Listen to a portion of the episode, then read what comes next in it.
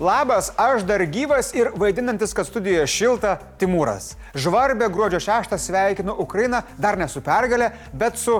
Gal jūs pirmą laiką padėkit po video, o aš tuo metu papasakosiu. Šiandien Ukraina mini kariuomenės dieną. Prezidentas Zelenskis padėkojo karių šeimoms už ištvermę ir drąsą. Dėkojame ir mes, suvokdami laisvės kainą. Slava Ukrainė! Bet žiemai įsibėgėjant, rusai intensyvina oro atakas. Per parą užfiksuoti KEM 8 šajet paleidimai. Paaiškėjo ir Ukrainos dronų vizito Kryme pasiekmes. Okupantai, kaip jiems ir įprasta, aiškino, kad nuostolių nėra. Bet Ukraina teigia, kad buvo smogta naftos terminalui, radiolokaciniams sistemoms, sraigtasparnių nusileidimo aikšteliai ir prieš lėktuvinių raketų valdymo sistemai. Visgi karščiausias taškas išlieka Avdyivka. Čia ukrainiečiai išstumė orkus iš dviejų prieš akinių pozicijų. Dar Ukrainos gynybos ministras teigia, kad ZSU jau įveikė pirmąją ir antrąją Mordoro pajėgų gynybos linijas, deokupavo 50 procentų savo teritorijos ir turi planą ateinantiems metams. Tai s novim godam. Bet Ukrainai vis tiek žudbūt reikia papildomos ginkluotės. Perspėjama, kad be JAV paramos šaliai grėsia pavojus pralaimėti prieš Rusiją. Tačiau iš JAV dar jokių gerų žinių nėra. Kol sąjungininkai negali susitarti dėl ginkluotės tiekimo, Mordoras intensyviau galanda kirvi. Maskoliai siekia apginkluoti pusantro milijono karių didesniai konfrontacijai Ukrainoje ir ne tik. Rekordinis finansavimas leis Mordorui pilnai atstatyti savo karinį potencialą, kuris virs realia grėsme visiems. Tačiau bunkerinius koščiais žaidžia ne tik karą, bet ir demokratiją. Todėl opozicinės partijos Jabloko įkūrėjai Jevlinskijui, neva Putino oponentui, bus leista švelniai pasisakyti prieš karą Ukrainoje. Tačiais metais populiariausia naujametinė kaukė Mordorė bus demokratas. Hello. Good evening. Arba taikos nešėjas. Mat Putinas atskrido į Junktinius Arabų Emiratus itin reto užsienio vizito. Čia jis ne tik stiprins santykius, bet ir aptars Izraelio bei Hamas karą. Na, aš atsisakau priimti idėją, kad putka yra taikos balandis. Viskas, ką jis sugeba sukurti, yra dar viena pridarkta vieta pasaulyje. Izraelio premjeras pareiškė, kad jau nukauta maždaug pusė visų Hamas batalionų vadų, o per pastarąją parą subombarduota apie 250 teroristinių taikinių. Buvo nukautas smogikų iš Hamas ir Islamo džihado bei sunaikinta teroristinės infrastruktūros. Izraelio pajėgos apsupo pagrindinį pietinės gazos ruožo dalies miestą, gatvėse ir pastatuose kovodamas su palestiniečių grupuotė.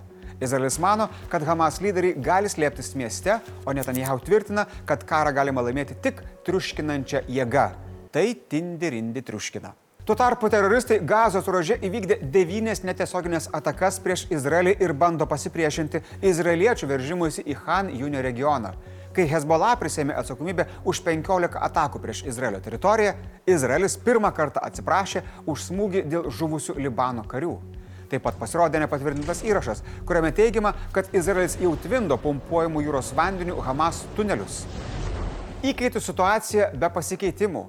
Bidenas paragino pasmerkti Hamas seksualinį smurtą per spalio 7 dienos išpolius. Manoma, kad Hamas sustabdė dalies įkaičių paleidimą, nes nenorėjo, kad jos viešai apie tai prabiltų. Tai kai dabar galvoja, kad įkalbėsės kažkaip tai, jog viskas gerai? Teroristų rankose gali būti dar apie 138 įkaitus. Kalbama, kad po mėnesio gali būti pasiektas naujas sustarimas dėl dalies jų išlaisvinimo. O jungtinės tautos toliau kalba, kad padėtis gazos ruožė yra tragiška. Vėl sustiprėjo maisto krizė, paskirstyti pagalbą beveik neįmanoma. Ir nors beveik kaip 80 procentų gazos gyventojų buvo išvaryti iš savo namų, dabar Izraelio gynybos paėgos uždraudė civiliams keliauti kai kuriomis Salah al-Dino kelio dalimis. Civiliams sakoma bėgti, bet panašu, kad nebėra nei vienos saugios vietos. Žurnalas Reitingai pristatė Lietuvos gimnazijų reitingą. Išskirta 60 geriausių gimnazijų po vieną iš savivaldybės, kurių abiturientai geriausiai išlaiko kiekvieno dalyko valstybinius brandos egzaminus. Sužinokite, kas laimėjo, o kas pralaimėjo. Važiuojam. Matematikos geriausiai išmokina KTU gimnazija, Vilniaus licėjus ir Biržiškos gimnazija. Lietuvių kalbos LSMU gimnazija, minėtas licėjus ir Klaipėdos Ažolino gimnazija.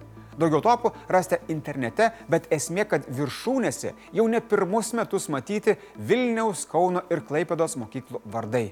Tik pagal pasiekimus chemijoje įsiterpia dvi Šiaulių gimnazijos, o geografijoje Raseinių rajono Viduklės gimnazija. Kalbant apie matematiką, ministerija giriasi paskelbtais rezultatais, kad nors sumenko matematinis raštingumas, tačiau mūsų penkiolikmečiai yra vienoje gretoje su Vokietijos, Prancūzijos, Ispanijos bendra amžiais. Tai jau galvojate, kad neblogai visai, džiaugtis nėra ko. Beveik 60 procentų Lietuvos jaunuolių nerimauja, kad neišlaikys matematikos egzamino. Čia po to, kai Matieka padarė privalomų egzaminų. Tačiau esmė ne čia. Esmė, kad savivaldybių mokykloms darosi vis sunkiau konkuruoti su privačiomis. Pasak reitingų sudarytojo, jei taip ir toliau atotrukis didės. Priežastis - vaikų bei paauglių skaičius dabar ko ne per pus mažesnis nei prieš 20 metų. Dar vienas įdomus aspektas - tarp mokytojų rašomų pažymių ir egzaminų rezultatų dažniausiai yra 100-108 procentų skirtumas, kai OECD vidurkis vos 30 procentų. Kitaip tariant, gauni 7, o už egzą kem procentų. Na ir dar juodų spalvų prideda faktas, kad mus smaugia chemijos, fizikos bei IT mokytojų stygius. Na, užburtas ratas. Šių dalykų nesimoko mokiniai, o studentai nesirenka studijų. Man atrodo, čia kalčiausi bus veryga ir tik tokas. Seniau būdavo labai svarbu kuo anksčiau suprasti tam tikrų svaigių substancijų dėrėjimą ir maišymasi, suvokti, kad nelaiku ištarti žodžiai, jie padidina riziką patirti kinetinės energijos veikimą, na, kaip veikia kompiuteris privaliai išmanyti, nes kitaip nesibaigtų nei tėvų, nei snelių skambučiai. O dabar ką turim? Teisingai, mokytojų stygių, nes visi skrolina. Blitz naujienos. Du Rusijos milijardieriaus Romano Abramovičiaus vaikai yra įgyję, o galbūt ir tebe turi Lietuvos pilietybės, paskelbė tyriamosios žurnalistikos centras Siena. Arkadijaus ir Anos Abramovičių lietuviški pasai buvo panaudoti operacijoms, ekspertų vertinamoms kaip bandymas apeiti milijardieriui pritaikytas sankcijas. Vaikai dalyvavo keičiant jo turto valdymo struktūrą. Migracijos departamentas patvirtino disponuojantis tokią informaciją, tačiau toliau aiškinasi, ar paso neturi daugiau jo atžalų. Tuo metu vidaus reikalų ministrė Agnė Bilotaitė pranešė apie rengiamus teisės aktus, leisiančius naikinti Lietuvos pilietybę, motivuojant grėsmę nacionaliniam saugumui ir tiems asmenims, kurie pasą įgyjo kilmės pagrindu. Lietuvos tarnybos galėtų taip efektingai atminėti pilietybę, kaip VMI išsireikalauja skolytę. Pranešėjo ir prezidento istoriją tyrianti Seimo komisija šiandien planuoja išklausyti patį pranešėją. Su pranešėju dar derinama, kokią formą jis liudys komisijai. Komisija jau išklausė dabartinius bei buvusius generalinės prokuratūros vadovus, planuojama STT atstovo apklausa. O aš noriu priminti, kad visi mus naujai remintis kantrybį už 6 eurus gaus knygą pranešėjas ir prezidentas dovanų. Šimtai Lietuvos įstaigų vėl gavo pranešimus su grasinimais apie sprogmenis. Naktį ateisiuose pranešimuose grasinta sprogdinti tam tikrų laiku. Nacionalinis krizių valdymo centras tai vertina kaip informacinę ataką. Draugai, šiandien ne tik Ukrainos kariuomenės diena, bet ir lietuviškame kalendoriuje randama arklių diena. Tai vad komentaruose išrinkime, kas yra rimčiausias Lietuvos arklys, nu ir kumelė. Tai vertinimo kriterijai visiškai subjektyvūs. Gal jums arklys asocijuojasi su darbštumu, gal su raumenų mase, gal su kažkokia vidinė ramybė ar dar kažko, nesvarbu. Parašykite, kas anot jūsų yra lietuviškas arklys ir kumelė. Sygelį ir sodaičio bairių jau nebepriimam, viskas jau nebejokinga, o kol jūs renkate arklį, svarbu priminti, kad neįsižeistų, kas yra geriausias žmogaus draugas. You got a friend in me.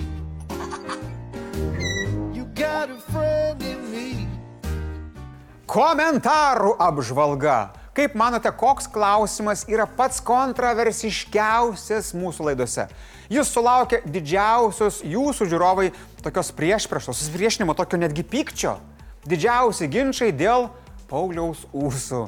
Just One for You džiaugiasi sutvarkytais Pauliaus veido gaurais. Olegas Buožas sako, kad Pauliaus ūsai valdo. Na, o Eronis liepia juos nusigramdyti ir prideda, kad iš Pauliaus reikia atimti vaiką, kurio jis neturi, arba ūsus, na, nežinau ką tiksliai, nes labai neaiškiai rašo. Gal mes iš Eronio tiesiog kompą ir internetą atimkim. Šiandien tiek žinių. Iki.